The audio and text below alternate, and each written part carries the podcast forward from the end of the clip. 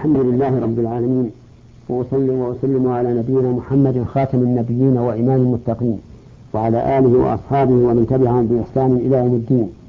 أما بعد أيها المستمعون الكرام أسأل الله تبارك وتعالى أن يرزقنا جميعا الفهم في كتابه والعمل به ظاهرا وباطنا إنه على كل شيء قدير. انتهينا فيما سبق إلى قول الله تبارك وتعالى فإن طلقها فلا تحل له من بعد حتى تنكح زوجا غيره. فإن طلقها فلا جناح عليهما أن يتراجعا. إن ظنا أن يقيما حدود الله وتلك حدود الله يبينها لقوم يعلمون. يقول الله تبارك وتعالى فإن طلقها أي طلق الزوجة بعد الطلقتين السابقتين. لأن لأن قولها الطلاق مرتان إلى آخره عطف عليه فإن طلقها أي المرة الثالثة. فلا تحل له أي لمطلقها من بعد أي من بعد هذه الطلقة حتى تنكح زوجا غيره أي حتى يطأها زوج غيره. فإن طلقها أي الزوج الثاني فلا جناح عليهما أي على الزوج الأول والزوجة أن يتراجعا أي أن يرجع بعضهما إلى بعض بشرط إن ظنا أن يقيما حدود الله. يعني إن ظن أنهما إذا عادا إلى النكاح. بعد الطلاق الثلاث وتزوجها برجل آخر أن يقيم حدود الله بينهما فتقوم هي بما يجب للزوج ويقوم هو بما يجب للزوجة فحينئذ لا إثم عليه أما إذا ظن أن أن الحالة لا لا تطيب وأنها سترجع إلى إلى ما سبق فإن ظاهر فإن ظاهر الآية الكريمة أنه أن عليهما الجناح قال وتلك حدود الله يبينها لقوم يعلمون أي تلك شرائع الله عز وجل يبينها لذوي العلم حتى يفهموها ويعملوا بها. في هذه الآية من فوائد الأحكام أن الرجل إذا طلق زوجته الطلقة الثالثة فإنها لا تحل له حتى تنكح زوجا غيره. فإذا طلق مرة ثم راجع ثم مرة ثم راجع ثم مرة فهذه هي الثالثة ولا تحل له. بعد هذا حتى تنكح زوجا غيره. وقوله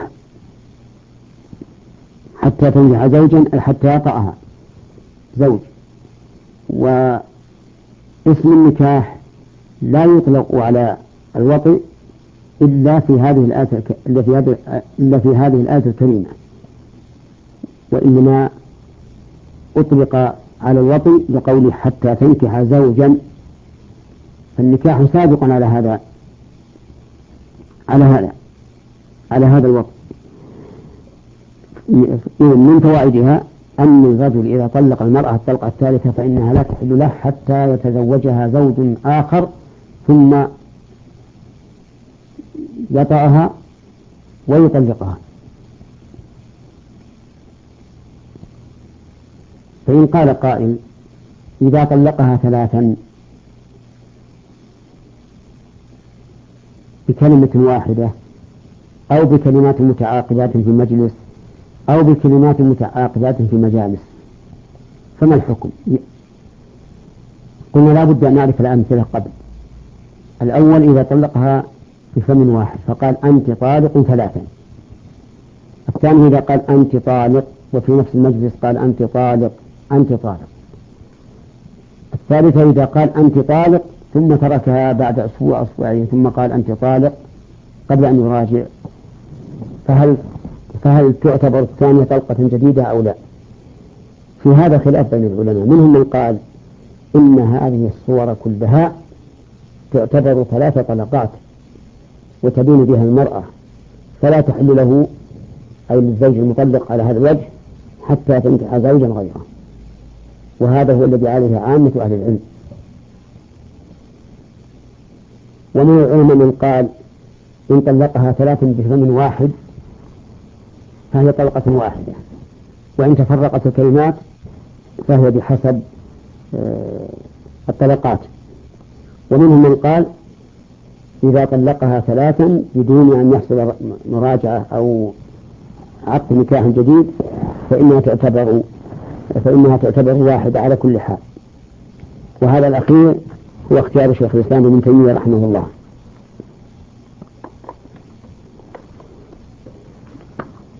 وهذه المسألة كما قلنا سابقا ترجع إلى ما يفتي به العلماء وحسب آه، البلدان وحسب الأزمان. ومن فوائد الآية الكريمة أنها المطلقة ثلاثا لا تحل للزوج الأول حتى تتزوج آخر. بعقد صحيح. ودليل اشتراط أن يكون العقد صحيحا قوله زوجا لأنه لا يصدق على العاقد أن يكون زوجا إلا إذا كان العقد صحيحا. وبناء على ذلك لو تزوجها الزوج الثاني بنية التحليل الأول وليس نكاح رغبة فإنها لا تحل للأول ولا تحل للثاني أيضا لأن نكاح التحليل نكاح باطل إذ أن الزوج الثاني لم يرد أن تكون هذه المرأة زوجا له وإنما أراد أن تكون زوجة للأول ليجامعها ويطلقها. والنكاح يراد للبقاء والدوام كما قال الله تعالى والله جعل لكم من أنفسكم أزواجا لتسكنوا إليها وجعل بينكم مودة ورحمة. ومن ثم قال بعض أهل العلم إنه لا يحل للرجل أن يتزوج للرجل الغريب أن يتزوج بنية الطلاق لأن هذا خلاف المقصود الشرعي في النكاح. إذ أن المقصود الشرعي في النكاح أن تكون الزوجة سكنا لزوجها وأن يكون النكاح مستدينا كما أن الرجل لو تزوج امرأة وحدد النكاح بمدة معينة فإنه لا يصح النكاح وهو ما يسمى بنكاح المتعة وهذا أعني نكاح المتعة محرم في السنة وإجماع أهل السنة. فإن النبي صلى الله عليه وسلم بين في الحديث الصحيح حديث سبرة بن معبد الجهني أن المتعة حرام إلى يوم القيامة. ونشير إلى قولنا من تزوج بنية الطلاق. وهذا فيما إذا تزوج الغريب امرأة ليحسن فرجه. وهو قد اغترب عن وطنه بغرض صحيح. إما تجارة وإما علم وإما غير ذلك. وخاف من عنة العزوبة. فتزوج امرأة ونيته أن يطلقها إذا غادر هذا البلد. فهذا اختلف فيه العلماء قديما وحديثا لكن استخدمه بعض السفهاء الذين ليس عندهم خوف من الله وليس لهم هم إلا إشباع رغباتهم في بطونهم وفروجهم. استغل هذا فصار بعضهم يذهب إلى بلاد أخرى من أجل أن يتزوج بنية الطلاق. ليس له غرض إطلاقا ولا يريد تجارة ولا طلب علم لكن يذهب من أجل أن يتزوج.